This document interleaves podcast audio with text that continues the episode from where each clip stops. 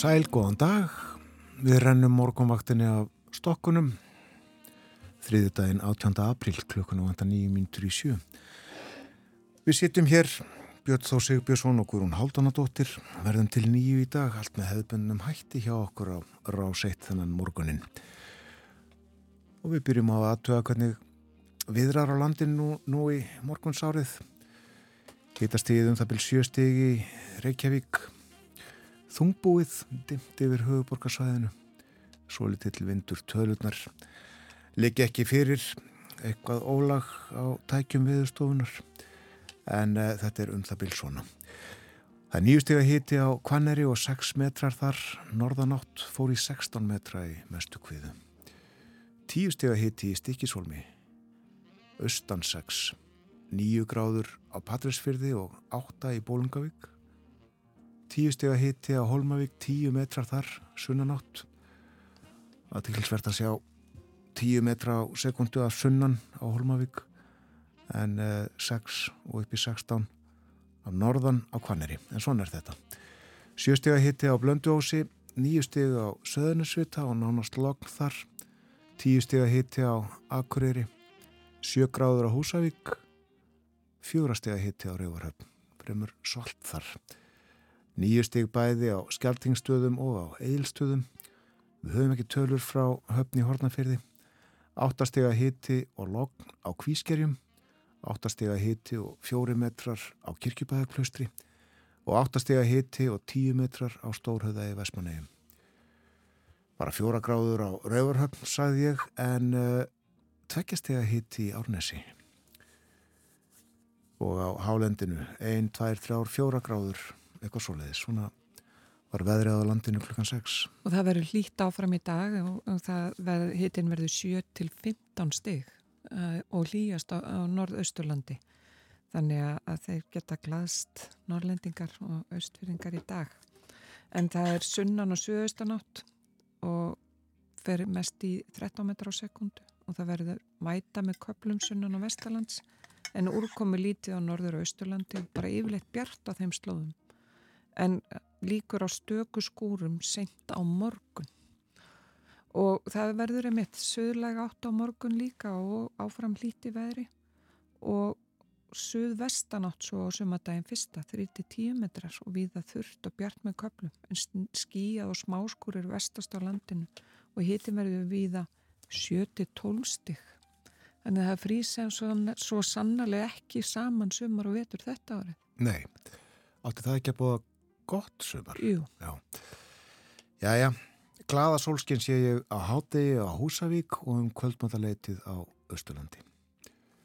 Og ég sé ekki betur en að emitt, sólimunni skína nokkuð glatt sumardaginn fyrsta. Já, þetta er, þetta er fallegt að sjá. Lítur ljómandi vel út. Alveg, þetta verður ekki kvöl og pína að vera í sumar kjólnum og stuppbúksunum þennan sumardag. En uh, vindarnir sem að blása um landið í dag, já, það eru vorvindar.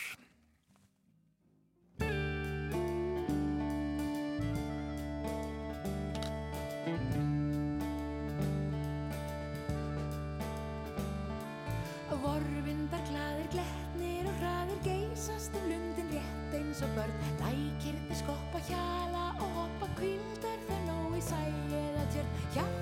Að hlustaður á hóarn og smalin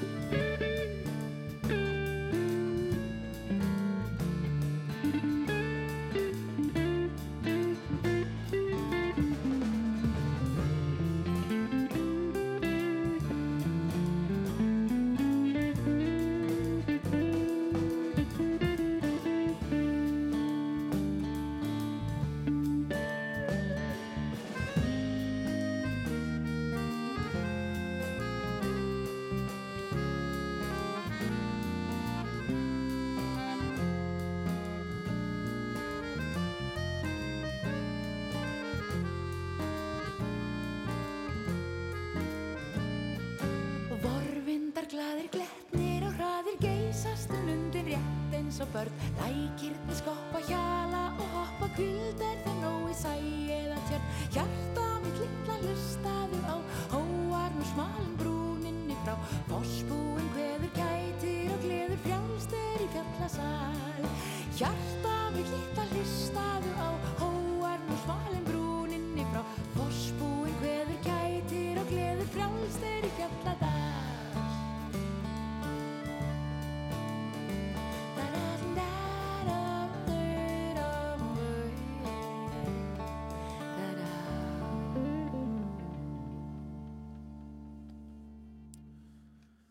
Hér var sungið um vorvinda glaða, læðið sænst, sænst þjóðlag.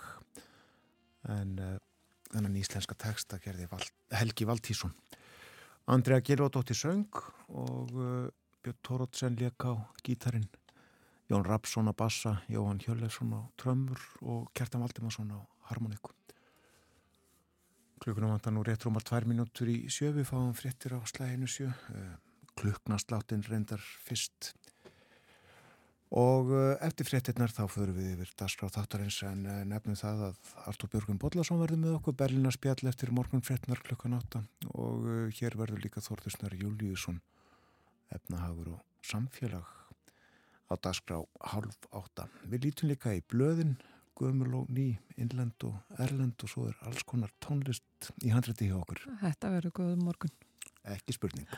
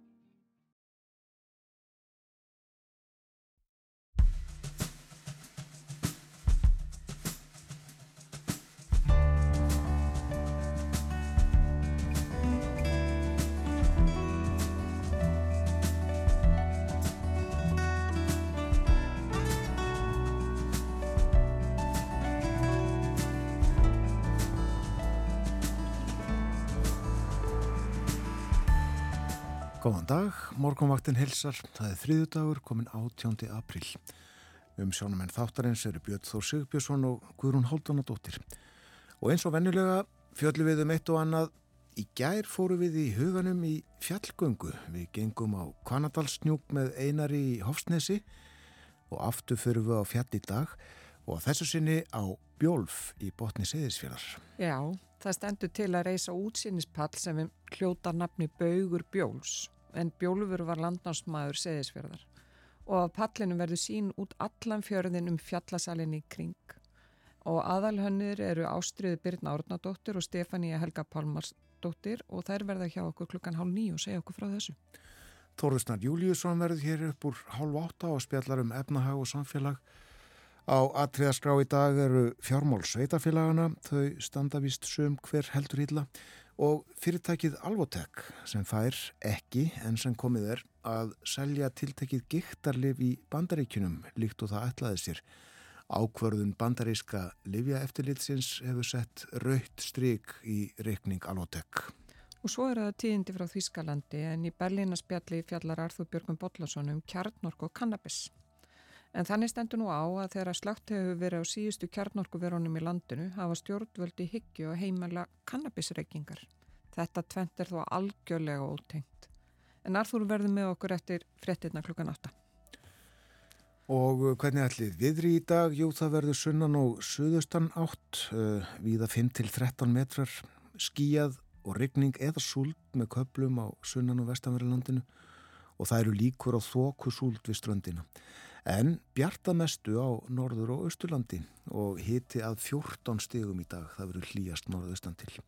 Svipa viður svo á morgun og á fymtudag bjartviðri víðaðum land, skíjað með dálítilli vætu allra vestast og áframildi í veri.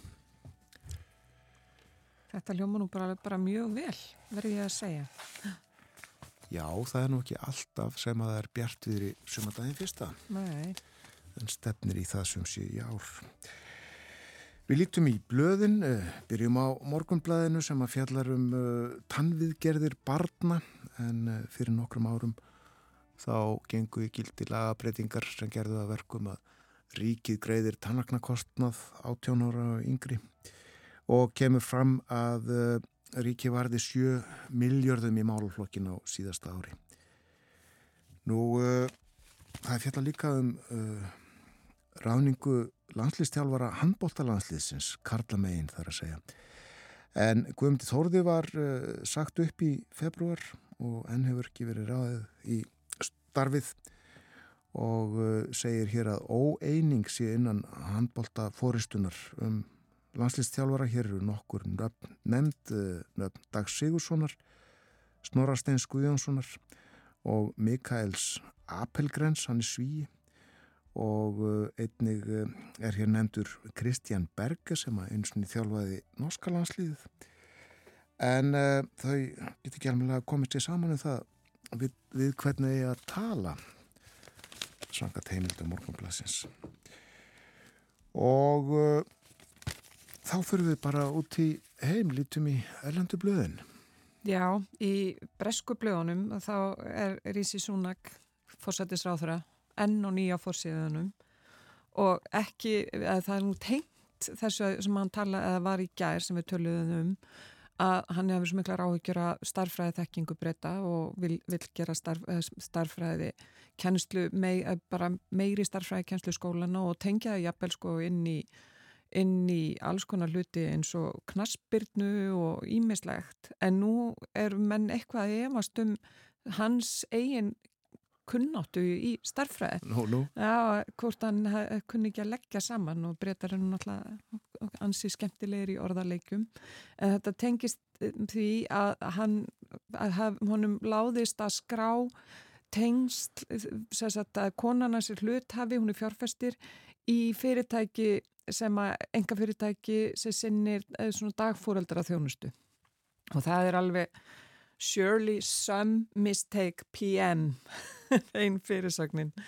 Þannig að já, hann á ekki sjö dagana sæla Rísi Súnak en það er líka fjallað um helbreyðismálin eins og alla aðra daga. Það er þurft að fresta fjölmörgum aðgerðum þegar unglagnar voru í verkvalli og unglagnar eru rauninni það er, það eru útskrifaði lagnar það er ekkert kannski endilega þau séu svona sérstaklega ungir en þeir eru ekki búin að ljúka sérfræðin á mig og Daily Telegraph fjallar um það að skólar sem að eru með þá stefnu að, sagt, að, vera bara með börna, stelpuskólar, strákaskólar og eitthvað svo leiðis að þeir geta sagt, haldi því áfram og þeim verði ekki skilt að taka við transbörnum og þetta er tölveru umræða um þetta í Breitlandi. Og svo Guardian þá er óskaplega falleg mynd á fórsíðunni og það er mynd, eh, ljósmynd eftir Boris Eldasgen, nei Eldagen, hann er ratna þýsku ljósmyndari og hann sem sagt var að vinna verðlun fyrir þessa mynd. En hann búin að viðkjanna það að hann ætliði að nú ekkert að taka við verðlunum að því að hann hafi nota gerfigreind við myndvinnsluna. Þannig að að það er gerðveikrendi kemur víða við. Eins og við heyrðum í frettum í gerðkvöldi þá var verið að tala um eh, en hún er jafnvel nýtt í að skrifa mestraraprósvíkjarðir við Háskóla Íslands.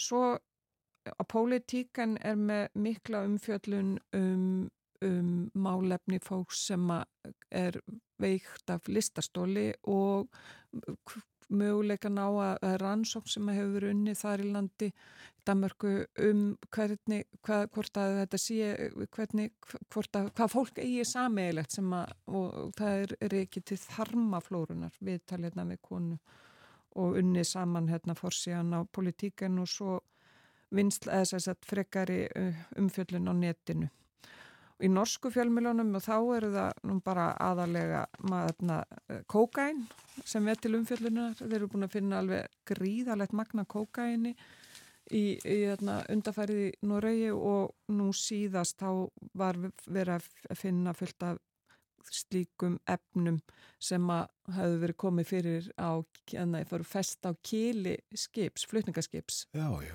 og þetta voru einhver 100 kíló sem þú voru að finna núna 13. apríl og ég held að þetta sé allt í allt alveg bara hátt í sko 2 tonn af kókaini sem hafa verið að finnast. Bara núna á stuttum Já, tíma. stuttu tíma. Og það er sérsagt búið að tilkynum að það verið haldið bladamannafundur, löruglu og tólkjæslunar setna í dag. Og að það sé búið að handtaka sex í tengslu við rannsókmálsins og þeir hafa verið úrskurðaðir í fjögur að vikna gæsluvarðhald. Og svo kýtti ég aðeins á New York Times og þar er búið uh, bent á að það, þarna, þú getur þarna, kom egnast hús í, í Japan fyrir ekki nema hvað 25.000 bandargjadali sem er, eru eitthvað 3,45 miljónir en að því að það standa miljónir húsa auð í Japan vegna þess að það er fóksfækkun í landinu. Og svo er talsveit fjallaðum á VF New York Times um skot árásir en það er eiginlega orðið það sem að maður heyrir helst svona að daglegu lífi í bandaríkjónum og það var eins og kom inn, var nefnt inn í frettunum áðan að það er 84 ára gammal maður sem er á, ákjærður fyrir að hafa skotið ung, unglingsdreng sá sem að hann hafi óvart hringt dýrabullunni á vittlusu heimili. Og svo er annar sem er ákjærður fyrir að hafa skotið konu og, og til bana sem að hún kerði inn að vittlusa yngkesli og svo náttúrulega óleist þetta mála sem að 16 ára amalisveislana sem að fjögur voru skotundi banna um helgina. Afturringað heim inn í morgunblæðinu er mynd sem að tekja maður við höfnina í Þorláshöfn og á má sjá 10 bíla, kannski 100, 200, eitthvað svo leiðis og þar á meðal eru áti rámaspílar en þeir voru vist sérpantaðir og flutti sérstaklega til hansins vegna leðtóafundar Európaráðsins sem að framfer 16. og 17. mæ og sangat upplýsingum morgunblæðsins þá vorum 70 slíki bílar pantaði til hansins til að flytja þjóðaleðtóa og aðra ráðamenn í tengslum við fundin. Þetta er meiri hátta mál að halda henni fund. Þetta heldur betur, það er allt færið á kvolv. Það að koma leðtóar 44 þjóðar til hansins og uh, það á allavega að flytja þessa 70 sem að sagti frá í þessari frétt morgunblæðsins í dag. 70 bíla. 70 bíla til að flytja 44 leittóða dæmi sem að gengur ekki alveg Það er spurningur það þurfum eitthvað að bæta starfræði þekkinguna þarna. Hlustum hér á uh, eitt lag uh, áður en við lítum svo í, gömul blöð af gefnum tilefni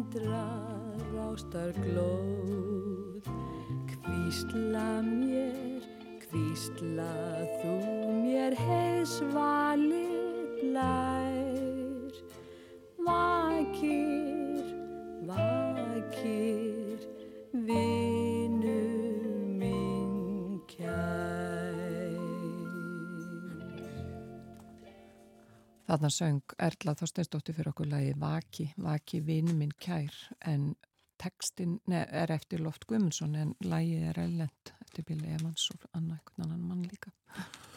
Og við sagðum aðan fyrir við til Seyðisfjörðar melli hálni og nýju, við ætlum að fjalla um uh, þennan útsýnispall sem á að reysa á fjallinu Bjólfi.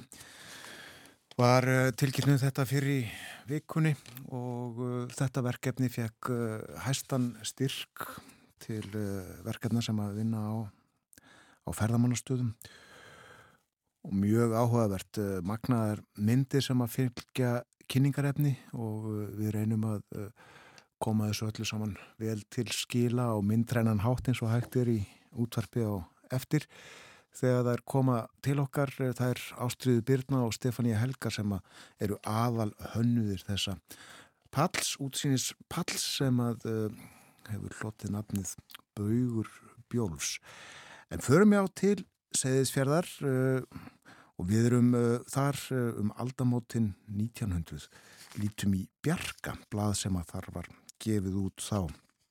Og uh, þar 1898 sagði í april ágætis veður alltaf nú sumar blíða í gær ís hvergi nefndur fiskur, menn réru hér nokkrir á miðugudaginn var og fiskuðu ágætlega hlóðu allir og einn afhauðsaði fiskuðu nær landi nú en áður sökklóðu í gær. Inga Guðuskip Gránufélagsins skipstjóri Hansen kom hingað á páskadagsmorgun, hafði fengið vond veður, tók land undan glettinganesi í dimviðri og sá þar hafíspöng nokkra, svo henni þótti ráðleira að snúa inn á Seyðisfjörð og fá fréttir og kól. Og svo var auglýsing, efnilegur piltur, ekki yngri en 16 ára, getur fengið pláss á vinnustofu minni á Seyðisfjörði, en neyta verður hann sér um alla áfengadrykki. Svona auglisti Erlendur Sveinsson. Og uh, í blæðinu var líka auglistur fundur í binditisfélagi Seyðisferðar. Og uh, svo var það Anton Sigursson sem auglisti. Frá þessum degi verður ekkert látið út á skósmíðaverstofu minni nema gegn peningum út í hönd. Líklega brendur af því að menn borguðu ekki skuldirna sínur. Nú, uh, tveimur árum setna var veðurlýsing, þetta er frá april 1900, veðrið sunnundagur, austan súlt, mánudagur, austan snjókrapi, þrýðudagur, snjóragl, frostum kvöldið, miðugudagur, norð, norðanátt, fymtudagur, vestan kul, föstudagur, kyrt, lögadagur, sama. Trausti Gránufélagsins kom nýlega úr hákarlalegu talsverður hákarl unda borgarfyrði, engin ís. Og uh, Bjarki byrti líka erlendarfréttir og uh, fjallaði um Cornelius Vanderbilt, ameríska auðmannin, hann er nýlega dáin. Átti járbröytir sem samtals eru 25.000 kílometrar á lengt og hafðu 150.000 menni vinnu við járbröytir hans. Og svo var önnur erlendfrétt, egg voru flutt inn til Englands árið 1898 fyrir 80 miljóni króna. Og síðastliðin jóladag háðu tveir þýskir herfóringjar einvíi og fjallu báðir. Svo er hér auðlýsing veitingamenn, þurrabúðamenn, sjómenn og allir góðir menn. Gleimið ekki ágæta ameríska uksakjöttinu niðursóðana sem er beinlöst, ódýrast og ljúfengast af öllu kjötti bæði í súpu og kallt góðar reyktar pilsur fást einnig hjá STTH Jónsson. Og að endingu er ég hér með eh, Bjarka frá aprilmánuði 1901. Síðustu vikuna hefur lengstum verið rigning eða kraparhýð, snjórin hefur síð mikið en mjög er illt umferðar enn. Í dag er blíðviður. Og uh, svo voru hér fleiri erlendar fréttir. Bankastjóri einni nýju Jórvík hefur nýlega gefið fjö til stopnunar auðmanns skílis. Þar eiga auðmenn og miljóna eigendur sem orðið hafa öregar að fá ókeppis uppeldi. Og önnur í stað lifti vélana sem almennt eru nú notaðar í stórbyggingum í útlöndum í stað stiga er nú komin í gang ný uppgötun frá Ameríku eða lifti stigar. Útbúnaðurinn er mjög einfaldur. Stíin er kaðalstíi með tré tröppum, er ganga stöðugt kringum tvo vind ása, annan við neðstakólfið sem stíin kemur frá, hinn við efstaloftið sem stíin er til. Trappan fer halvan metra á sekundu. Eitt stiga þarf til þess að ganga upp, annan til að komast ofan. Í ýmsum stórborgum er farið að reyna þessa stiga og þykja þeir gefast vel. Já, uh, rúlustígin uh, þarna komin fram 1901, uh, ég held að það hefði rúm 60 árum síðan, það var upp úr 1963 sem að rúlustígi kom fyrst til Íslands, það var í Körgarði við lögavögg. Já, ég man vel eftir honum. Þegar ég kom til Reykjavíkur og þá var þetta, og mað, þá var þetta alltaf ævintir að fara í rúlustígan.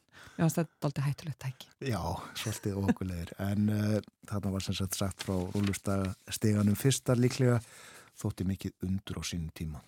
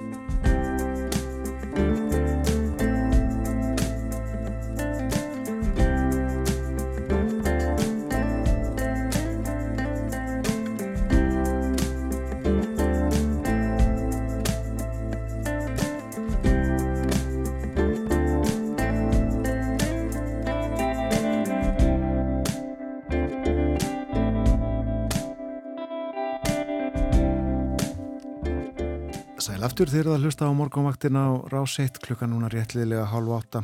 Það er þriðu dagur í dag komin á 18. apríl. Það verður, uh, já, svona og svona veður í dag skulum við segja. Uh, sunnan og suðaustan átt, uh, jável 13 metrar á sekundu í dag. Væta með köplum sunnan og vestanlands. Úrkomi lítið á norður og austurlandi og yfirleitt bjart á þeim slóðum. Líkur á stökuskúrum sent á morgun það er annar dagur. Uh, við sagðum frá því fyrir að það verður glaða solskinn í hátteginu á Húsavík og uh, um kvöldmataleitið á Östurlandi svona ef við, ef við miðum við kortið, spákortið á heimasíðu viðstofunar Já, já, þetta verður einhvern veginn. Uh, aðeins kannski segja frá þessu fína lægi sem við heyrðum hér fyrir frettaði við litið Já, ég, við náðum ekki að afkynna lægið, þetta var That Old Devil Called Love og það var trí á Sigurðar Flósasona sem var leik og Sigurður sjálfur var á allt saxofón og Eithur Gunnarsson á piano eða Lennart Ginnmann á kontrabassan. En þetta er lag frá árið 1944 sem Alan Roberts og Doris Fisser gerðu. Og það var, svo sem að sönga þetta fyrst var Billie Holiday. Þetta var á plötunni Loverman frá 1945 mikil vinsælplata En í útgáðinu sem við herðum voru hljóðfærin látin tala. Já, það var yngi sem söng.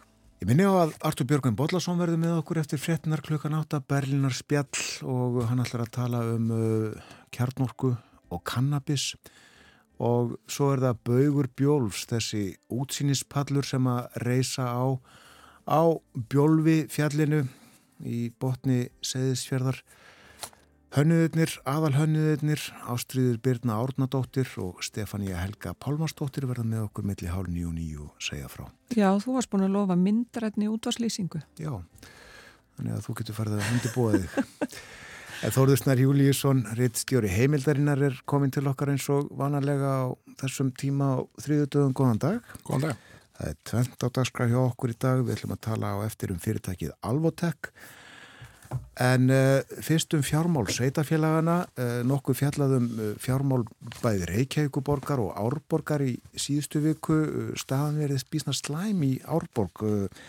Sveitastjórnin þar endi til íbúafundar í síðustu viku til þess að kynna stöðuna og áallinir um að reyna að lagana. Já, það er svo sem voðaði yfir í törfið langa tíma að það er kannski ekki beisin staða hjá hansi mörgum sveitafélagum uh, fyrst kannski ágætt að, að útlýsta það að sveitafélag og sveitafélag er ekki alltaf það sama. Eh, það eru 64 sveitafélag á Íslandi. Þeim hefur fækkað undarsvært á undarföldnum árum en eru samt sem áður enn 64 sem uh, eru mjög mismunandi að stærð og gerð stærsta sveitafélagi auðvitað Reykjavík þar sem byggur tæpilega 140.000 manns í uppáðu þessa ás það minnsta var Árnesreppur á Ströndum 1. janúar, það byggur 47 Já.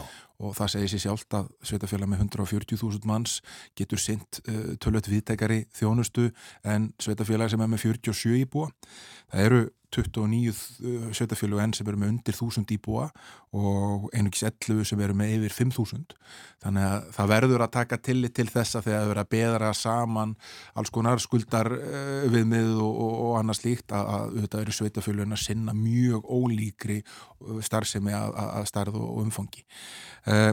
Það sem hefur verið það sem gerðist hérna sko í koronaviru faraldrinum er það að uh, hér var tekin úr sambandi svona skuldaregla, það er sett sangvært uh, sveitistjónalögum þá eiga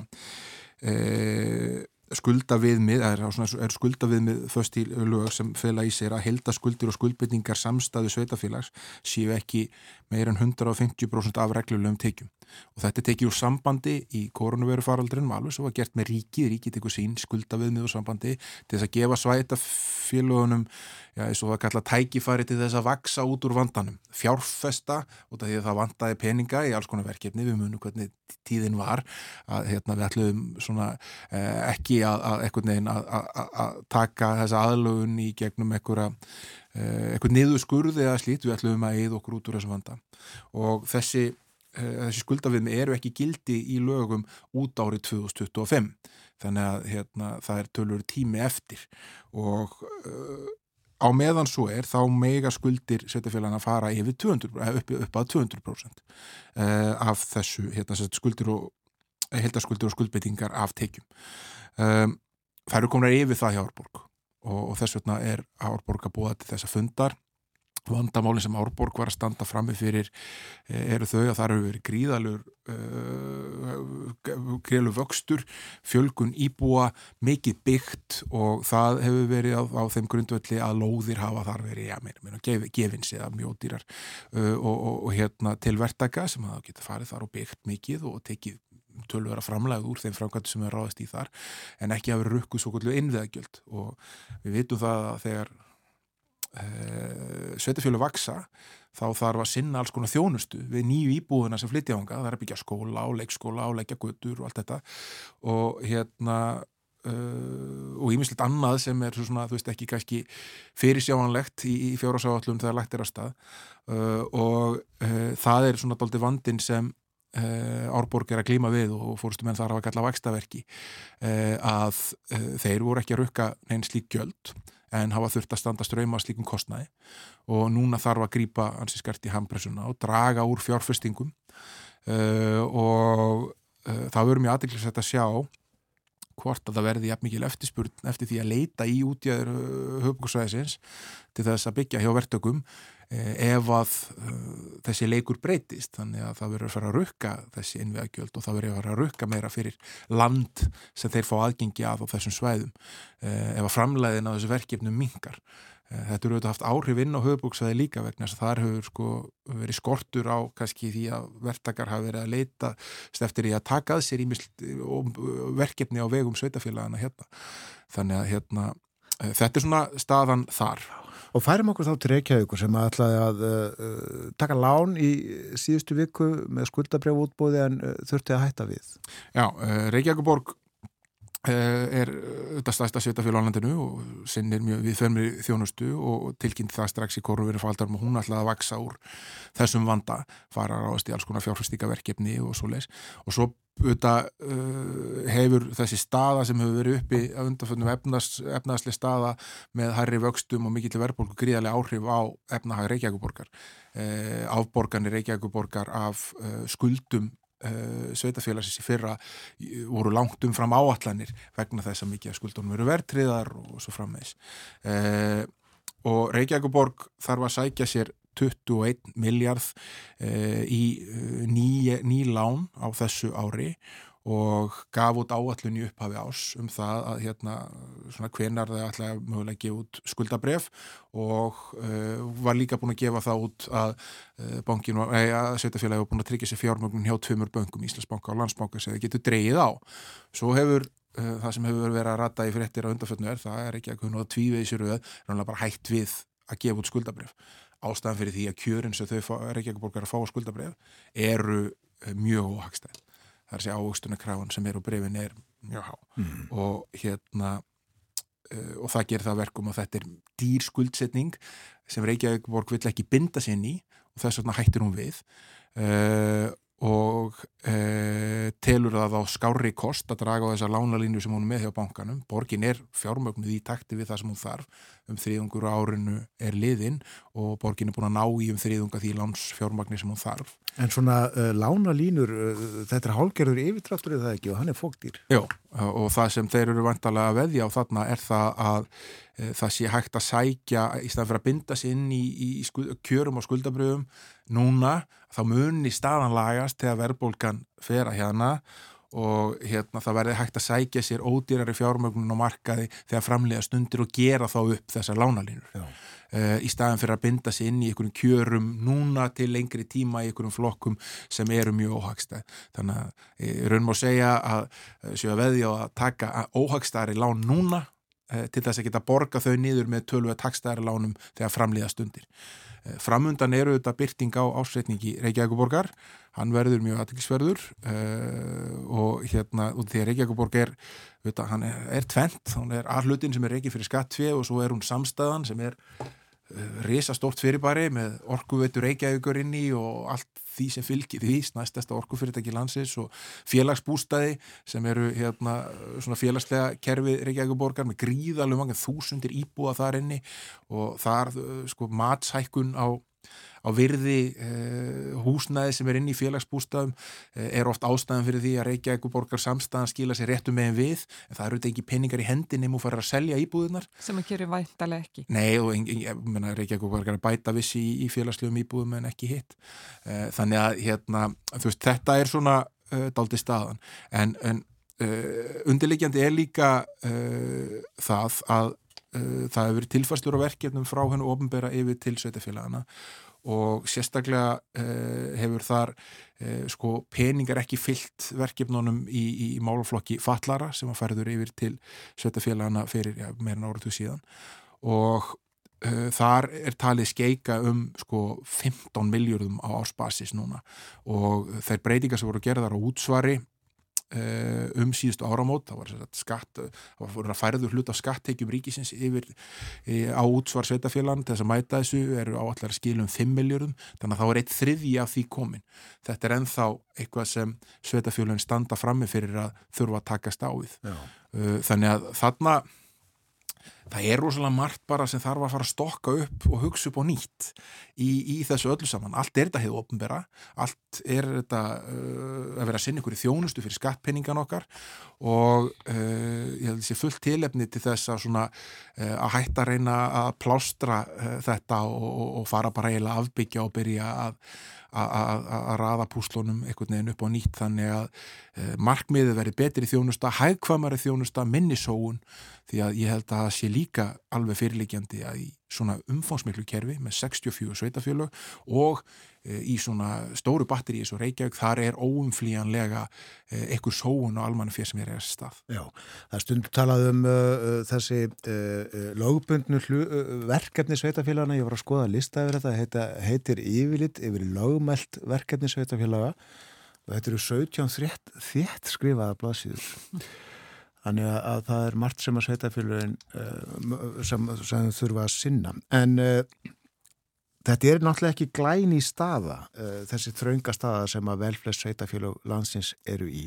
Það er innan við ásíðan við kusum til sveitastjórna.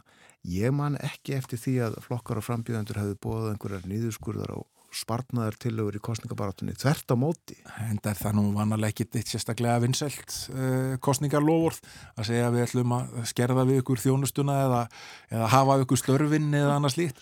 Uh, en það er staði sem hefur leiði fyrir í tölvöna tíma. Ég menna, við horfum bara rækingilegt á vef samband íslenskar sveitafélaga að verða að skoða skuldarhlutvöld að hlutana. Það er að segja þess hluta rekstusinn sem er reikin á hérna fyrir skattfið og ef við horfum bara á höfbóksfæð þá var skuldarhlutfall að hluta Reykjavíkur uh, ja, það var læra en uh, annar sveitafélag á höfbóksfæðinu hæst var að hefna fyrir 148% og 102% í, í, í Reykjavík um, uh, í lokást 2021 skuldir á hvern íbúa í Reykjavík í lokast 2021 voru rétt rúmlega miljón, 1.065.000 og meðan voru 1555.000 í, í, í Hafnafyrði sem var hæst á höfbruksvæðinu. Þannig að veist, það er það er raunverulega ekkit eh, sem á að vera að koma eitthvað rosalega óvart annað en kannski það í þessum tilfellum, hversu svona rætt þetta varð erfitt hjá Árborg þegar að súrnaði sem er svona eitt af sveitahölunum sem hefur verið í, í, hérna, í deiklunni og svo uh, hversu uh, mikið uh, vænt lánskjur Reykjavíkuborgar hafa súrnað á skömmum tíma uh, sem auðvitað má alveg álíkta að, að beri líka þess merki að, að, að það sé einhver svona ja, aukin tortrykning ekkert fjármagnar Reykjavík hjá fjárfestum. Þeir eru ekki tilbúinir að koma inn í, í skuldabræða fjármagnum borgarinnar nema á, á slíkum kjörum. Já, Nó að gera hjá eftirlitstemd með fjármálun sveitafélaga þessi, þessar vikurnar og mánuðina. En við skulum líka hafa þá að reynu eins og ég sagði hérna í byrjun að þessi skuldaregla var tekin úr sambandi og það að leggja svona virkla áherslu og það að eftirlitstemd með fjármálun sveitafélagana hafi sendt ut og einu sveitafélagi bref um það að þau var yfir viðmum sem eru ekki gildi er raunveruleg ekkit annað en það eins og er. Uh, þegar við erum komin inn árið 2026 þegar þetta, svona, uh, þetta tímabil er liðið sem hérna var ákveðið að leifa sveitafélagunum að, að skuldsetja sig með umfram þessi viðmið. Þá má fara að taka þetta eh, að meiri alvöru. Eh, eða þegar sveitafélagurinn vilja leita til eftirlitsnefndarinn eða ráðunniðsins eftir aðstóð vegna þess að þau eru komin í algjörar ógöngur sem er ekki óheirt að hafa gerstu þetta Uh, og það eru sveitafélag sem hafa farið í gegnum samstað með eftirlitsnefndina uh, munum eftir hérna Reykjanesbær fyrir ekki svo mörgum árum það sem heimil til að hækka útsvar til viðbótar og Reykjanesbær hefur komið til að sterkur út úr þeirri endurskipulagningu og hérna og lært mikið af svona fjármála mistökum fortíðar og, og mikil uppbygging í því sveitafélagi þetta mikið af húsnæði sem var til staðar fyrir upp á, upp á ásbúru og svo leis en, en eru líka búin að vera skinsamir með það að láta innviðatekjur fylgja nýri uppbygging og svo framvegis. Frægasta dæmið um uh, sveitafélagi vanda uh, líklega Áltanes sem að svo setna rann inn í Garðabæn. Já, mest megnis út af byggingu sundluðar. Líka rosa skemmtilega öldu sundluðin. Sko. Rétt. En uh, það var Alvotek sem er í, hvað ég var að segja, ólgu sjó. Já, má segja Alvotek í öldusundluðinni á Altanesi. eh, heldur betur. Eh, Alvotek búið að kosta miklu til að byggja upp Alvotek sem á að framlega líftækni hliðstæður sem er raunverulega því það að lifið sem þeir alltaf búa til svona útgáð af, þetta er Húmíra og er eitt mest selta lif í, í, í bandaríkjónum og í heiminum. Gíktalif. Gíktalif og hérna og hugmyndin er svo að Alvotek ná að framleiða hliðstæðu sem heitir AVAFT02 og uh, fara að selja á bandarækjumarkaði og nái hlutild í þessum ja, 2500-600 miljardar markaður á ári eitthvað svo leiðs sem er bara bandarækjumarkaðurinn og þau eru byrjar að selja þetta í Kanada og Európu, þetta lif og við munum þá, við rætla hér áður þegar Alvotek var fært af First North markaðinum yfir á aðalmarkaðin hérna í byrjun desember í fyrra þá, þá raug virði þessu upp og, og mest á einum degi 22. desember 2022 og það var dagurinn sem Alvotek tilkynnti það að Livja eftirlit bandaríkjana myndi láta sagt, myndi, myndi fella svona loka niðurstuðu sínum það hvort að þeir myndi fá markaslefi í bandaríkjana fyrir þessa hliðstæðu 13. apríl 2023 Já. Og e, við þær fregnir þá urðu fjárfæsta spendir og, hérna, og verði rauku. Og Alvotek varð allt í einu orðið Uh, verðmætast að félagi í kaupullinni þrátt fyrir að vera reiki í bullandi tabregsti það var 70 miljardum króna í fyrra. Og í ásreitningi félagsins uh, fyrir uh, árið 2022 já, þá ætti það laust fyrir að óbreytt út í þess að rekka sig samkvæmt því tapi bara í nokkra mánuði inn á árið að Lóttek fór að segja sig meira fyrir framan af þessu ári sótti meðal annars um 20 miljardar til íslenskra fjárfesta Uh, meðlans lífeyrisjóða sem beint kiftum um 6 miljardar króna og það eru tölvett margir enga fjárfæstar íslenskir líka með, með, með, með peninga þarna inni og hlutabrjáðsjóðir sem eru þó eigu fjárfæsta almenning sem ekki síst lífeyrisjóða uh, hlutabrjáðsjóðir sem eru reknir að sjóstýringa fyrirtækjum bankana þetta er svona áallega að það séu svona kannski 40-50 miljardar uh, sem eru frá íslenskum fjárfæstum þarna inni og það sem gerist núna er það að 13. apríl kemur og bandariska lifi eftirlitið er ekki búið að gefa út neitt markasliði. Hvers vegna? Já, það veit enginn. Þeir fóru í, í skoðun á verksmiðu Alvotek í mars og þar uh, eru gerðar einhver aðtúrasendir og hafðu raunilega gert það áður, fór í skoðinni fyrra og þá eru gerað tölvöld margar aðtöðsendir meðal hans við að mikla væri yfir einhverjum mörgum á einhverjum stöðum og eitthvað svo leiðis og aðtöðsendir við einhverja framlistu ferla og það var allt gett ofinbert og, og, og, og alveg texaðist, við ætlum að bregðast við þessu réð eitthvað nýtt fólk til þess að, að, hérna, að fylgja þessu eftir og, hérna, og svo átti þetta alltaf að vera klappa á klárt. En núna er, er ekki komnan eina skýringar á því af hverju að lóta ekki búið að svara þessum aðtöðsendum en er ekki búin að ofinbera það neitt út á markaðin hvaða er sem bandarinska lifi eftirliti hefur gert aðtöðsendi við og hvort að það geti gert það verkum að uh, leifið fáist ekki í tæka tíð til þess að markasetning á þessu lifi, lifi geti hafist fyrsta júli eins og allar öll skilabóð til fjárfesta hafa verið hinga til og, og Robert Westman fórstjóri stjórnáformaður stopnandi og aðalegandi Alvotek hefur sagt í viðtölum að hérna, ægja leiða til þess að, að félagi e, fara að skila hagnaði á setni hluta þess ás e, ef að þær þau áform frestast eða eru ekki lengur einhvern veginn í pípunum þá eru þetta mjög breytt staða Já.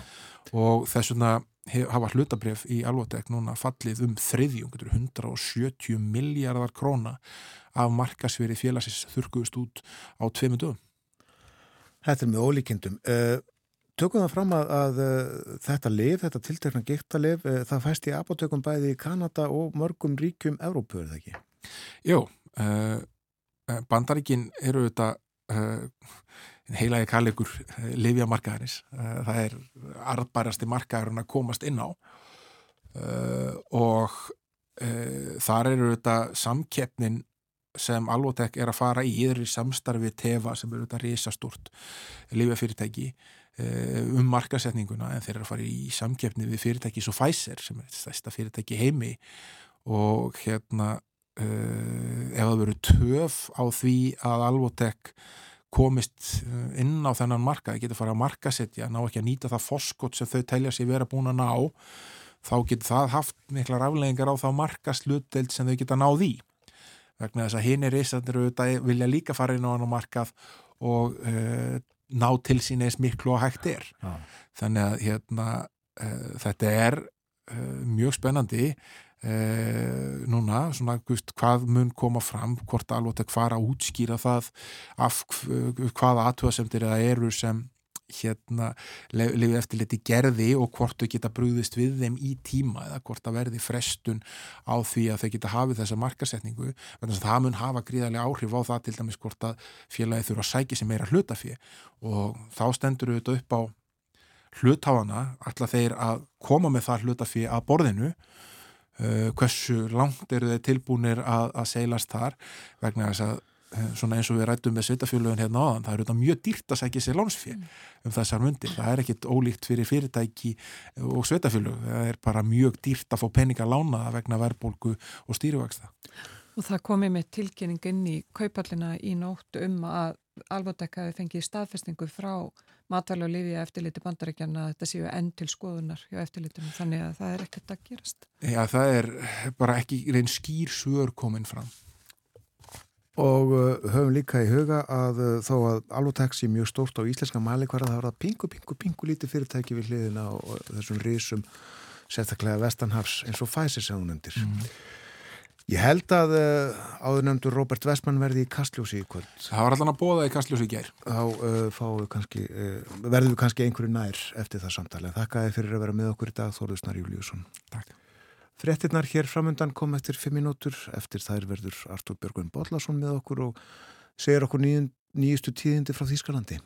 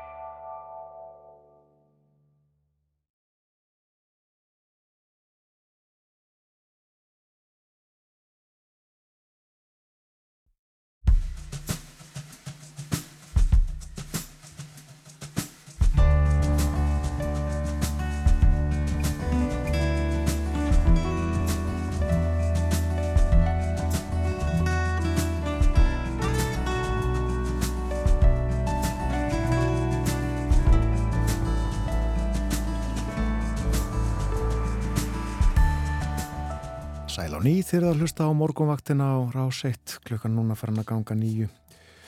Minni á að hér á eftir upp úr hálf nýju þá ætlum við upp á bjólf í segðisfyrði og uh, virða fyrir okkur útsýni þaðan, gerum það í huganum auðvitað. Þar á að reysa myndalegan útsýnispall. Já og vel sést þar vel til ímsa átta. Mjög, mjög verður gaman að lýsa þessu með þeim Ástriði Byrnu Árnardóttur arkitekt og Stefáníu Helgu Palmastóttur byggingafræðingi. Baugur Bjólfs á hann að heita pallurinn. Meira en um þetta á eftir. Við erum komin í samband við Artur Björgun Bodlason í Berlín og ætlum að forveitnast um það sem er eftir að bögi í Þýskalandi. Hér næstu mínutur. Heil og sætla, góðan dag. Góðan daginn. Góðan daginn. Við erum hér með uh, nokkur mál í handriti en ætlum að byrja á kjartmorku. Það var uh, skrúað fyrir, já, skrúað fyrir, uh, hætt að framlega rámagn í kjartmorku verum í Þýskalandi núna bara á dögunum eða ekki? Jú, bara á lögadaginn var og þar með örðu mikil vatnaskil í orku búskap þjóðverja og uh, það laug sem sett rúmlega 60 ára sögu nýtingar kjartnorskunni hér í Þískalandi og, og því ég veit að hlustundur ása reitt hafa nú gaman að sögulegum fróðleika það má kannski rifja svona aðeins upp uh, þá sögu. Því að hún hóst þann 17. júni árið 1961 reyndar á þjóðatíðata Íslendinga verkilegt nokk. Þegar að tilrauna verið Kalvið af Schaffenburg sem er bæri Unterfranken í Bæralandi byrjaði að framleiða ramag fyrir óbyrgara orkugeran og það má kannski nefna þessi fyrsti kjarnaklúður Þýskalands, hann var reyndar hannaður af bandaríkjumannum og uh, þarna var náttúrulega ástandi í Þýskalandi ekki mjög beysið, það var ekki langt liðið frá stíðinu þannig að það var allt svona frekar döflegt hér. En nokkrum árum setna þá byggðu þjóðverðar svo sjálfi sem fyrsta kjarnakljúf og þá var nú mikil fögnuður í loftinu og, og, þýska þjóður hafði gagtekin af hrifningu á þessum nýja og öfluga orskugjafa og það er svona eftir gaman sem að geta þess að, að tímariti Spíkel slóð því upp uh, sem stórri frétt að þetta árið hefðu húsmæður í Rínalöndum elda jólagæsina með kjarnorku í fyrsta sinn í sögunni og fólk trúði því nefnilega þessum árum að þarna væri fundin orkugjafi sem væri ekki bara umhverfisvætt heldur, heldur væri kjarnokkan líka einfaldari og ódýrari heldur en kólinn sem að má náttúrulega til sannsögða færa. En uh, þegar að ólífukreppan herjaði svo á meilandið hérna á 8. áratug síðustu aldar þá var kjarnoskan eins konar ták fyrir orku sem að sem var ekki háðninum sveplum á brokkengum ólífumörkuðum í heiminum og Í þá daga trúði fólki líka að fyrir árið 1990 myndu þjóðverjar fá um helming allra þeirra orku sem þeir þyrstu úr kjarnakljúfum Þískanans. Þessi draumur var nú reyndar ekki að veruleika því að þegar kjarnorku verum voru sem allra flesta þá náðu þau að framleiða liðlega þriðjung orkunna sem að landi þurfti en En e, það komu allskyns tækni vandamál reyndar e, í svona með tíu tíma til sögunar og svo var þetta dýrara heldur en uh, gert var ráð fyrir og, og, og það var mörgum kjarnorku verum til trafala. En uh, það sem þetta er nú stærst strík í reikningi þó var vaksandi anduð þjóðarinnar sjálfrar sem að náði á kjarnorkunni, sem að náði já, hámarki á nýjunda áratug síðustu aldar. Það voru færtar gríðarlega fjölmennar uh, göngur gegn kjarnorkunni og hundruð þúsunda manna komið saman til að mótmæla nótkunn hennar og Og árið 2000 ákvað í kjálfærið samstefustjórn græningja og jafnaðamanna, þetta uh, er fórustu uh, hins íræmda, líkum við að segja Gerard Schröder, mm. að hætta nýtingu kjarnaskunar í áfengum. En 2010 þá ákvað stjórn Kristilegar og frálsættjumkvært aftur á mótið að lenga líftími kjarnaskuverðina. Þetta var alltaf mikið politísk byggbein uh, millir stjórnmóraflokkarna og uh, árið setna verður svo kjarnaskuslýsið uh, í Fukushima til þess að, að því stjórnvöld ákveði að loka sjö eldstu kjarnorku verum landsins bara strax. Og um sömari þetta sama ár samþykir svo Þíska þingið að loka eða skella öllum kjarnorku verum Þískarans í lás fyrir lok ársins 2022 þar sem síðustu áramót. En eins og við hefum nú heldur einhvern tíma að tala um að þá, allir nú orku kreppan sem að, að fylgdi í kjálfar Ukrænustísins þegar að loka var á gasi frá rúsum E, þá lók allir hún því að stjórnmálaflokkarnir samþýttu eða stjórnmálaflokkarnir samþýttu að halda síðustu þremur kjartnarskuverunum opnum til 15. apríl, 15. apríl þar er það um síðustu helgi eða það getur á lögadaginn og sem sett þar með líkur þessari 60 ára gömlu sög og, og hérna sem er afskaplega merkileg en þú er kannski ekki allt búið enn no. Nei því það er nefnilega langt frá því að einhugur ríki hjá stjórnaflokkunum í málinu þó að þegar við semingi falli stað við höfum rækið það svolítið svona í þessu Berlínar spjalli okkar endurum á sinnum eða einhver tíman að frálskið demokrata vildu halda verunum opnum allavega út þetta ár og stjórnaranstaðan bölsótaðist líka út í jafnaðamenn og græningi fyrir vilja loka og svo það, það er ekki hægt og en uh, uh, ekki tíma bert en græningar eru þetta þeir sem eru allsæl og sælast er yfir því að, að þeirra gamla hugssjón sem var ju kveikjana stopnum græningaflokksins á sínum tímaskurinn og loksins orðin að veruleika á. Það var gaman að sjá það hvað uh, Jörgen Trittín einn af leitóðum græningi og umhverjusvar á þeirri ríkis og skutis var kampakátur þegar hann flutti ræðu útifundi sem var haldinn hérna við Brandenborgarlið og lögða en var til að fagna þessum áfanga. En En þó svo að græningar hafi uh, mikið fagnat þessum sögulegu tímamótum og því að þeir eru gamlu draumur og verður nú roksins að rættast að þá er staðrindin þó svo að það voru ekki leittóða græninga heldur Angela Merkel kanslari sem tók endanlega af skarið og ákvaði eftir slísið í Fukushima að síðustu kjarnaskofur landsins skildi skellt í lás en, en eins og ég segi sko það, og nefndi þá eru margir mjög ósattir við þessa lokun og uh, fremstur í, í flokki þeirra og mótmælenda er Markus Söder, Markus Söder fórsetisraður af Bæjarlands. Uh, Söder sagði til dæmis í viðtali við helgarútgáðu Dablansins Bild sem er mjög útbreytt hér í fyrir þetta að hann krefðist þess að fá leiði stjórnvalda til að halda kjarnorskuvörunni í Ísar 2 sem er í Bæjarlandi opnu lengur. Og hann sagði að að það væri bara sangirnismála að fylginn fengur sjálfa ráða því hvenar kjarnorkuverin sem verður stæðsett í þeim þessum kjarnorkuverin hjá þeim er lokað. Og þetta uppþótt sutursfjall nú í nokkuð gríta í jörð hjá stjórnarsinnum sem bentunum á að það væri mjög skýrt í þýskum lögum að sambandstjórnin uh, hefði algjörlega óskorað vald í þessum málefnum kjarnorkunar og það þyrtti laga breytingu mm. til að þessi krafa hans væri bara yfir höfuð raunhæð. Þó að fylginn séu uh, sjálfráðum mjög margt.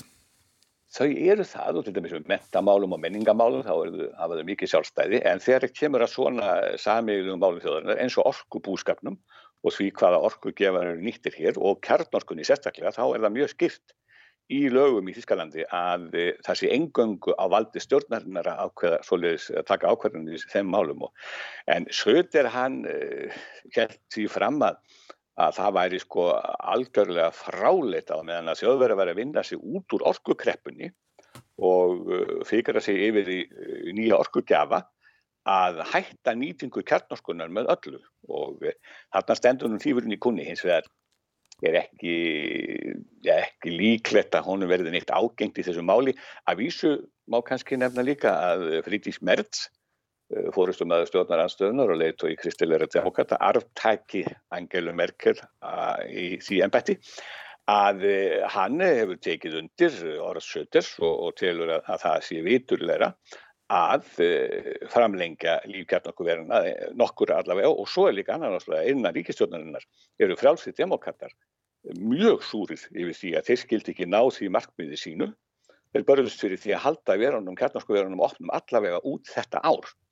En e, það var Solds kanslari sem að listi þennan ákveðinni millir græninga sem vildu loka strax og frjálsa demokrata með því að koma með þennan Salomans dóm gott og vel við skulum halda þeim opnu til 15. april en ekki deginum lengur þannig að það er ekki líklegt að, að, að þessu verði breytt hérðanaf. Eh, en munið þetta hafa áhrif á orkuverða því að það er nú það sem maður var talað um eftir að stríði bröst út í Úkrænu að það náttúrulega hækkaði gasverð og allt það að það gæti orðið til þess að kjarnorkuverunum yrði haldi lengur opnaði yrði lengur opinn. Sko málið er að eh, í fyrsta ræði þá hefur þjóðurinn tekist með undraverðum hætti að ná í orgu með því að, að hérna, senda Habeck umhverfisbálar á þeirra trillandi út um alla veröldinu til þess að, að samna orgu, má segja, í bóstallin mekkingu. Að þau tekist alveg með undraverðum hætti að, að fylla í þessa eigðu sem skapaðist þegar að rúsagasið hætti að flæða og eh, sem dæmi má nefna að, að ég held að það kannski minnst á það einhvern tíma að, að það er svona, það nú er búið að reysa fljótandi gasgeima -hmm. eða geima fyrir fljótandi gas í, við strend, ströndina hérna við, við Eistarsaltið og uh, það er endar mjög umdeild aðgerð uh, því að það ferði að skarast eitthvað á við hagsmunni ferðarþjónustunum, við getum kannski rétt einhverjum að setna, en allavega þá sagt hefur þeim tekist mjög vel að, að, að, að bregðast við þessari miklu orkukreppu og kjarnorkan var ekki nema eftir því sem næstur er komið svona 5-6% af heldar framlegslu, orkuframlegslu þjóðarinnar undir það síðasta þannig að e, þetta mun til að svara spurningunni þinni þá mun þetta vantarlega ekki hafa neina afgerðandi ásköf og orkuverð í landinu. Mm. Það hefur verið að lækka aftur svo litið, þetta er sko með ólíkindum á þess að fara mikið í söguna þá munum við nú mun að þeir nú sem hafa lesið sögubækur að þau verið að byggðu nú stríðið upp og rústum á skömmum tíma eftir sittni heimstöðin og það er þeirra svona kreppa, kreppu skella á þá er eins og þeir séu svo svakalega öflugir að bregðast við og uh, það átti engin vona því þegar að lokaði fyrir rúsagassi á þessum tíma eftir að rússar ríðust inn í Úkræðinu að uh, þessi, þessi orkuframlisli yldi þeir kæmist á jafn góðan rekspöl eins og hún er komin núna. Mm. En eins og sé, með því að láta stjórnar láta ráð þeirra trilla um heiminn og, og safna orku, að þá hefur tekist að, að bæja þessu frá. En þetta mun ekki hafa neinn verulega áhrif þessi lókun á, á orkuverð. En það eru þetta aðtillisvert að eh, nána sama dag og þjóður að loka sínum kjarnorkuverum og þá taka finnar í gagnið eh, glænýtt rísastort kjarnorkuver. Já, svo er það og ég hérna í Fraklandi hérna handa við landamærin það eru röð af kjarnorkuverum og þetta er náttúrulega, sko, þetta er svo litið sérstaklega þess að þjóðverðir eru þarna nánast bara að leika solo eins og svo er í gamla dag í bóttanum sko, eh, í Evrópu því að eh, þeir eru með kjarnorku verið allt í kring, kringu sig en, en þetta var þeirra ákvörðun og við, það, við þannig allar er að standa. Já. Og frá uh, kjarnorku yfir í kannabis uh, það var í stjórnarsáttmálunum er það ekki að uh, heimila hassreikingar? Jú, eftir að taka fram að það er ekki samband á millir lokunni kjarnorkuveru og neyslu kannabis eða, lögleðingu þess og maður geti haldið það margir verið svo miður sín yfir þessu að þýst að fara á sig jónu. En allavega þá uh, má kannski nefna það að, að, að það var Karl Lauterbach, heilbriðisáðar þýskarinn sem tilkynnti það og réttu bóðul ganga í síðustu viku. Eins og segir, þá var það í stjórnarsáttmálunum, að framvegis er því þau eru leift að rækta og reykja kannabis með ákveðnum skilmálum þó. Og uh, Þetta var bara sagt, sett fram sem markmið í stjórnarsáttmála flokkana þryggja á tíma þegar þeir komið sér saman um hann í fyrra.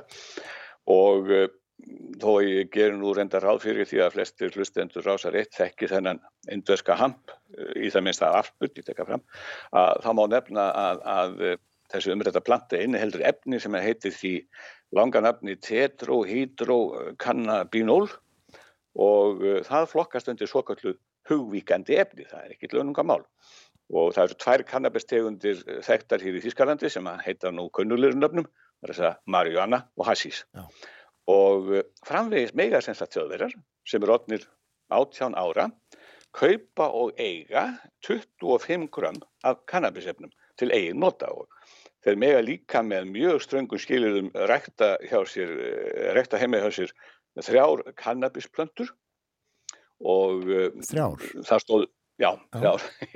En ég verði nú að segja það alveg skjóta því ekki er innæg ég sé nú ekki fyrir mig hvernig sko það verður að setja á leggirna sennilega sérstaklega kannabislöggu til þess að, að þjóta hér á milli einhver kannabisgestapó til að sjá hvað meðlunum með marga plöntur í glögan hjá sig. Ég held að það sé afskaflega erfitt en allavega þetta er, það er margt í þessum lögum held ég sem að, sem að þarf að, þarf að skoða mjög verulega, eh, mjög hérna, rækilega. Mm. En það stóð sem þetta upp að því að til að opna sérverslanir sem seldu kannabis og uh, þá getur bara menn farið þeir inn, sín skil líka eins og þau verður að fara í brennvísbúð og, og sagt ég ætla að fá bara svo og svo mikið, fá 25 grammi mín og, og, og í ganla daga var það nú þannig þegar menn voru á mentarskóla árum manni og mátti ekki fara í breynivísbúður á Íslandi þá senduðu bara frendu sín og frengur og uh, þannig að þetta er nú líka erfitt að hafa heimil á þessu. Og uh, en nú hafa stjórnvöld fallið frá þessu og ákveðið að fjela ákveðnum félögum eða samtökum að annast sölu á efninu. Og og þetta, þegar ég heyrði þetta á dattminu hug hvernig sko, þetta verður svona eins og björgunarsveitirnar í Íslandi, það er alltaf að selja landanum blís og eldflugar til að líka upp á stemningun og gamláskvöld og, og, og aðeins að fara nú út í, í pólitíska sálma þá, þá er þessi samlíking kannski ekki alveg út í bláin því að þú má gera ráð fyrir því að ákveðin skamtur að kannabisefni getur líka framkalla svona flugveldasýningar og glæringar í, í aðeins öðrum skilningi. Já. En En það er yfirvöld sko óttast nefnilega ung fólk á aldrinum 18-21 árs, það er alvaramálsins, segja á hættu að verða fyrir heila skada af völdum hamsins. Það er nefnilega þannig að læknar hafa lagt orði í belg og sagt sko unglingar eða ung fólk á aldrinum 18-21 árs er ekki endur að koma með fullfróskaðan heila. Við sjáum það nú alltaf á heila búi mennskæringa, en nú ætlum ég ekki að fara út í það svona.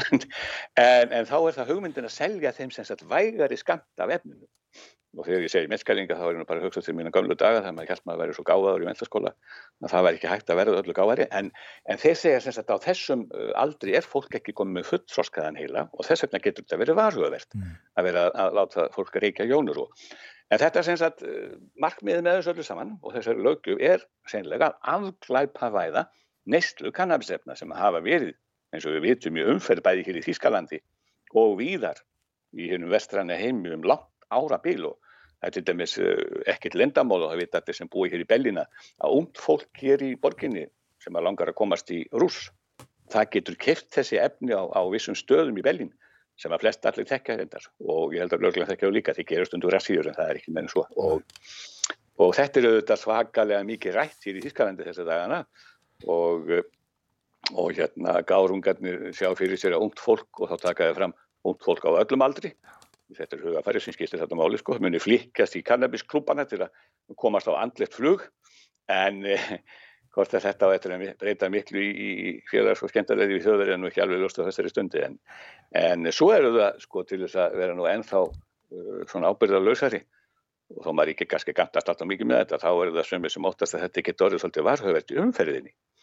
Og uh, við munum nú hvað fólk óttaðist mikið þegar bjórin kom á Íslanda á sínum tíma að þá fari allir að keira hver á annan en, en uh, menn taka fram að það sé ekki gott ef að fólk sem er búið að reykja nokkara jónur setjast undir stýri því þá er hægt við að stemningin í umferðinni getur farið að minna svolítið á bílabröndin í tífóli en, uh, en þetta er náttúrulega bara bölmóður og, og aldrei vita nema þessi kannabisnesla verður bara til þess að, að já kannski á hann þetta er að hægja bara á, á fólki sem hætti til að fara á yfirsnúning eins og þetta og, og kannski dopnar bara áhugi fólks á þessu uh, fræga lífsgæða kaplöpu og fólk fyrir að leggja meiri rægt við önnur og kannski meira mannbætandi gildi. Mögulega. Þetta kannski drefur áfengisneislu, brennivinni er nú ekki holdt. En uh, ég er nú ekki vel að mér í þessum efnum. Artúr, sagður að fólk mætti eiga 25 gram. Er það ekki svolítið mikið? Það er allavega nótur að komast anskotið hátt sko og ég held að það sé bara nótur þess að fljúa en ég vil nú hjáta það sjálfur ég er ekki alveg heim í þessum mæli einingum en, en eftir því sem mér ekkur minni til að þá mun 25 gram vera bara bísna trúu skamtur þannig að það er ábyggilega nótur þess að eða hugsa ég að það verður bara einhverja rétt að það en til að koma heitli fjölskyldu í rús sko. og hérna láta hann að fljúa Við segjum þetta gott í dag. Kæra þakki fyrir Artur Björgum Vóllarsson Takk sem er þess Ímislegt í Berlinarspjalli þennan morgunin kjartmorgan fyrst og svo kannabisið. Akkurat, akkurat. 25 gram, það er óslega mikið. Það þarf ekki að reykjað allt í einu. Við ætlum upp á eftir án allra efna. Við ætlum að tala um útsýnið frá Bjólfi fjallinu í Seyðisfyrði.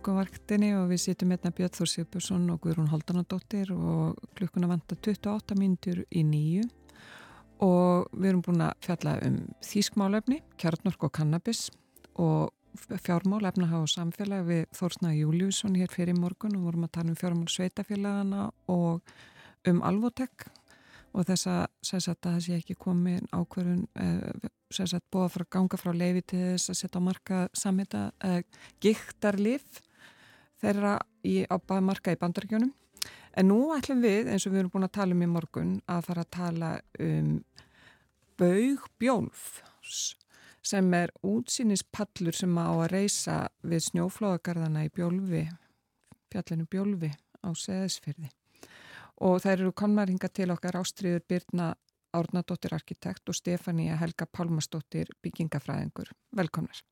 Takk fyrir. Takk. Þið kom sagt, hönnu þessa verðluna tillögu sem var að fá styrk úr frangata-stjóði ferðamannastaða bara núna fyrir bara nýverið og styrkur upp á 158 miljónur króna en Ástriður, erst þú kannski til að segja okkur aðeins frá þessari hugmynd? Já, takk fyrir það. Já, hugmyndin eða verkefnirinn eru verður til í, í sambandi við samkjæfni sem er haldinn af uh, félag íslenska landslagsæktkvæsta og múlaþingi árið 2021 sem var styrst af einmitt hérna, sjónum sjónefnir og við erum nú við hjá Arkibygg arkitektum við Stefania við hérna erum við spenta fyrir þessu verkefni og, og, og fáum eða setjum saman teimi svona þerflegt teimi sem að, já, tekur þátt í samkjöfninni og okkur er ekki svo opuslega væntum þetta samstarf en, en það er einhverju, þú veist, mikið láhersla á sjálfsög, hérna, landslags hlutan og hvernig þetta fellur inn í umhverfið þarna upp á fjallinu, fjallinu. Og en við vinum verkefnið með hérna henni auði hjá ESI arkitektur sem er í Kaupmannahöfn og hérna, önnu Kristinu Guðmundsdóttur eh, landslarkitekt sem er starfandi á Norrlandi og Dalvík og svo með honum Kjarstan Móhansen eh, landslarkitekt en okkur þykjar lópusla væntum hans þáttöku í, í verkefninu þar sem þetta var hans eh, síðasta verkefni. En hann hérna lérst fyrir ári síðan. Og hérna og svo unnum við þetta með eh, einni, einni Exa Nordic verkfræðistofu honum Arnari þar sem var þá búsettur í Svíþjóð.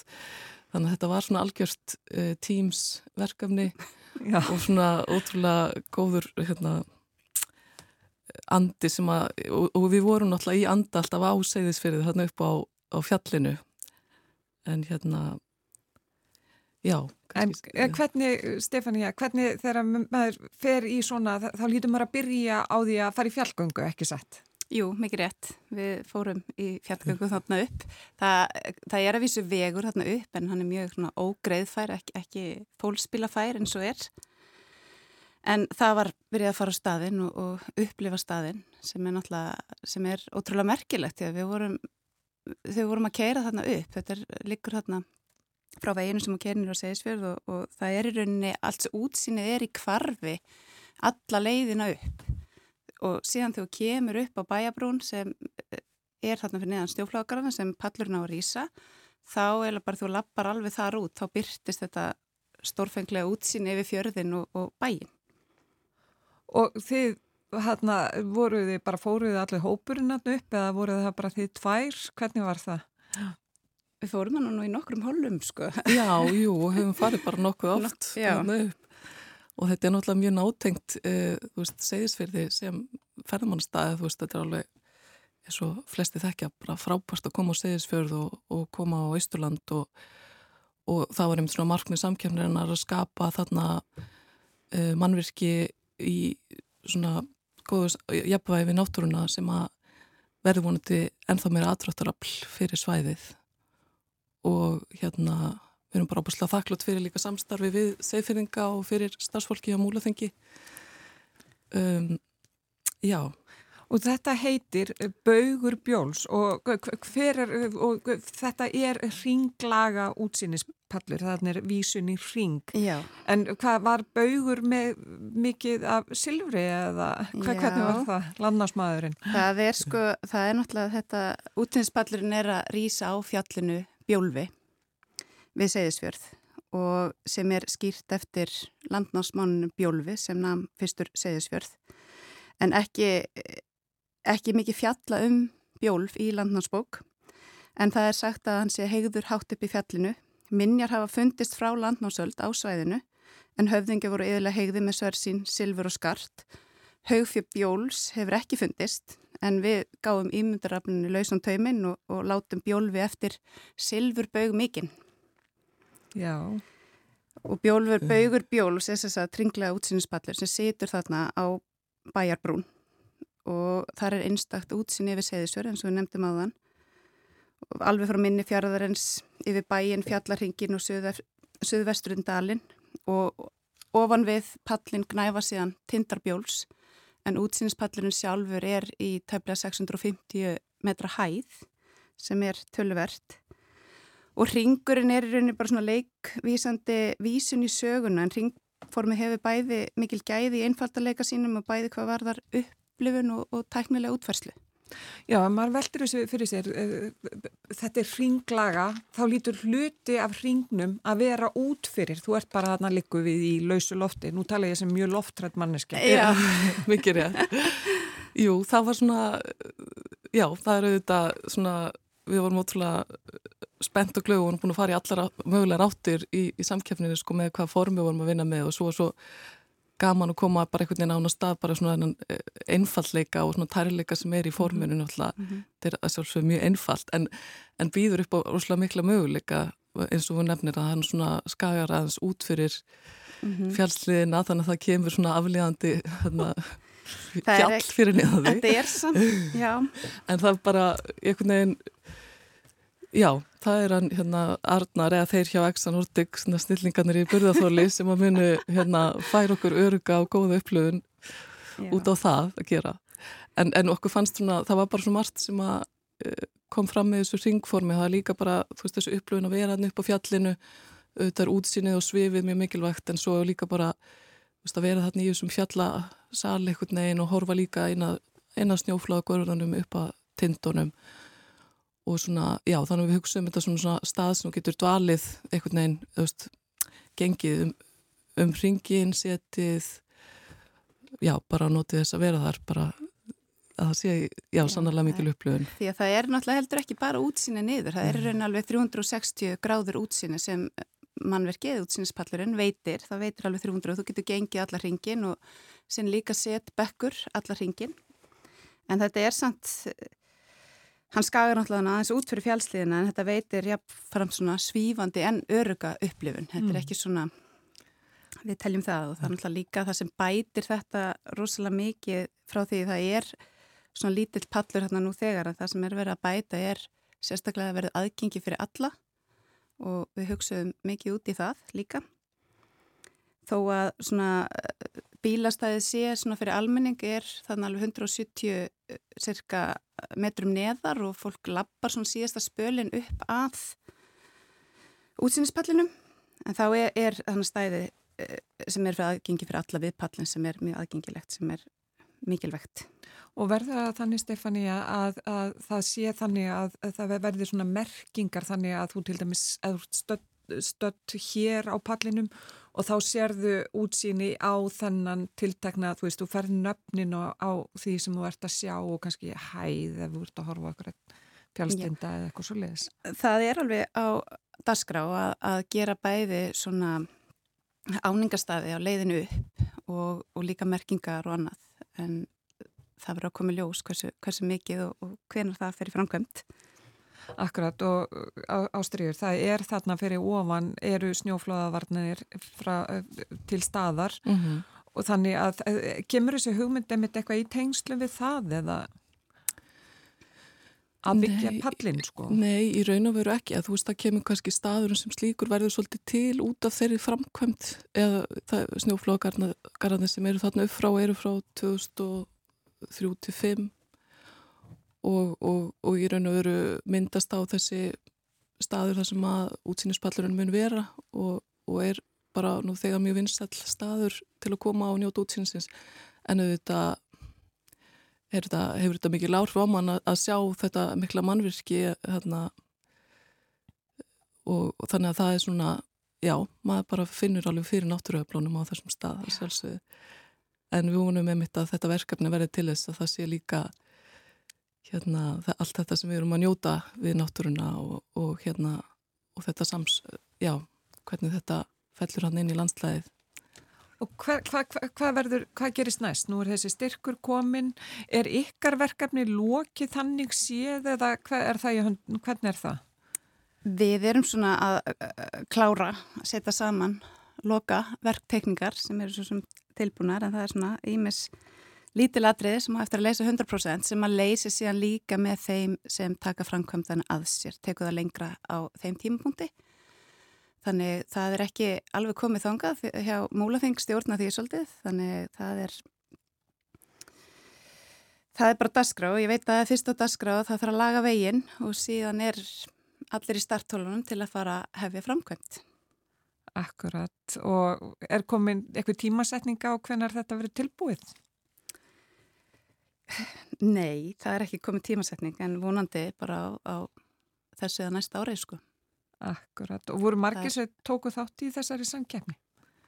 Já, það var bara mjög góð þáttaka en hérna það voru að með minnir fimm teimi sem voru valinn til að eða dreygin til að fá að taka þátt í sjálfur samkjöfninni þannig að já, við erum bara óbúslega þakklátt fyrir að hérna félag íslenskar landstækt þetta hafi emtileg þessari samkjöfni með múlaþengi og bara alveg til fyrirmyndar og og sama með, með hérna sjóðin hérna framkvæmda sjóð fermannastað að styrkja þetta verkefni alveg frá samkeppninni og svo fullnaður hönnun og núna styrkur til framkvæmdar þannig að það er bara til fyrirmyndar Og eru eitthvað fleiri verkefni svona, þess svipu verkefni í farvatninu hjá ykkur? Ekki þessu líkt en það er fullt öðrum verkefnum í farvættinu. Já, er, er ekki nóg að gera hjá arkitektum og arkitektastofum í þessa dagana? Jú, ég myndi segja það að tíðarandin er þannig.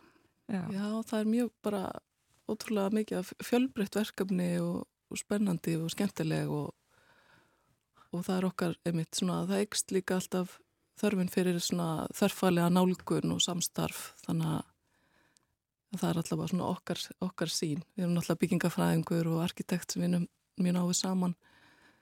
En já, okkur fannst bara í þessu verkefni til dæmis þetta samstarfi við landslagsarkitektana líka og verkfræðingarna bara einhvern veginn, já, mjög gefandi. Akkurat og svo er þetta náttúrulega sko, efni sem er nota, er, þetta er steift uh, undirstöðunar Mm -hmm. Og svo hvað, og sjálfur ringurinn, er þetta úr hvað, hvaða efni eru það að vinna með? Já, efnisvali samanstendur af sagt, steipu og stáli og lerki sem skapar svona heildstætt útlitt í svona gráum silfur tónum og áhersla er eh, lögð á bara lítið og einfalt viðhald og góða endingu. Kemur lerkið af Östurlandi? Já, við leggjum upp með það, þannig að við vonumst til að það gangi eftir. Mm.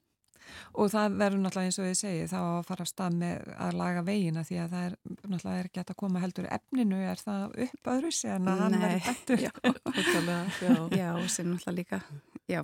En þetta já. er mikil gleði tíðindi fyrir líka seðsurabæ og ég held að andin í fólkin í bænum er mjög jákvæður eftir dimma og harða vetra mánuði Þannig þetta var svona gleði tíðindi inn í, inn í gott vor og sumar. Já, ykkur hefur verið tekið vel að bæjabúin. Já, algjörlega og bara allt fólki sem eru búin að hitta fyrir austan og eindislegt að dvelja þar. Akkurat. Hefur til hamingju með þetta verkefni og atna, ég hef bara spennt að sjá Bög Bjóls Takk. og treyst ykkur fyrir því að þetta sé líka fyrir loftrætta. Já. Ástriðu Birna Árnardóttir, arkitekt og Stefania Helga Pálmarsdóttir, byggingafræðingur. Takk kærlega fyrir komuna til okkur á morgavaktina. Takk fyrir okkur. Takk.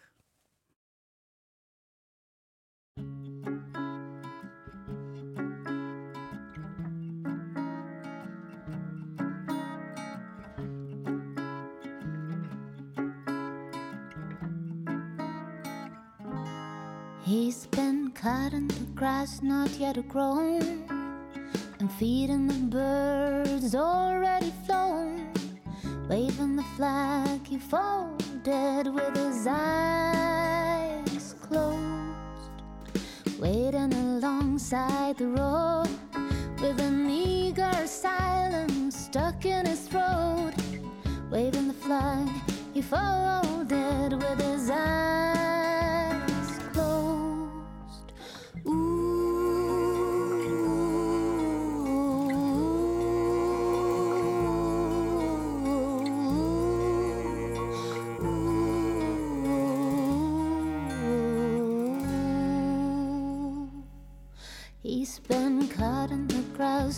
not yet grown, feeding the birds already flown, kissing the queen of his dark night with his eyes closed.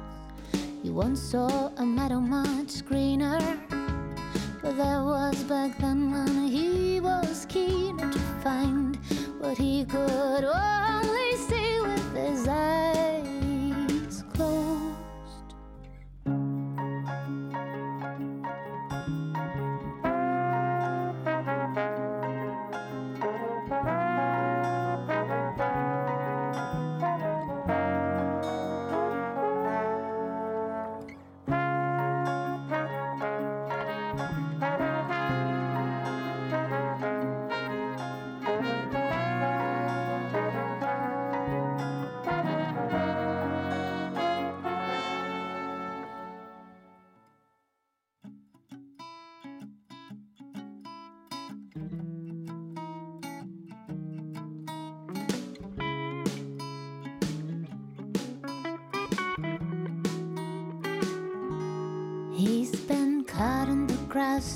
yet grown and feeding the birds already flown, waving the flag. You folded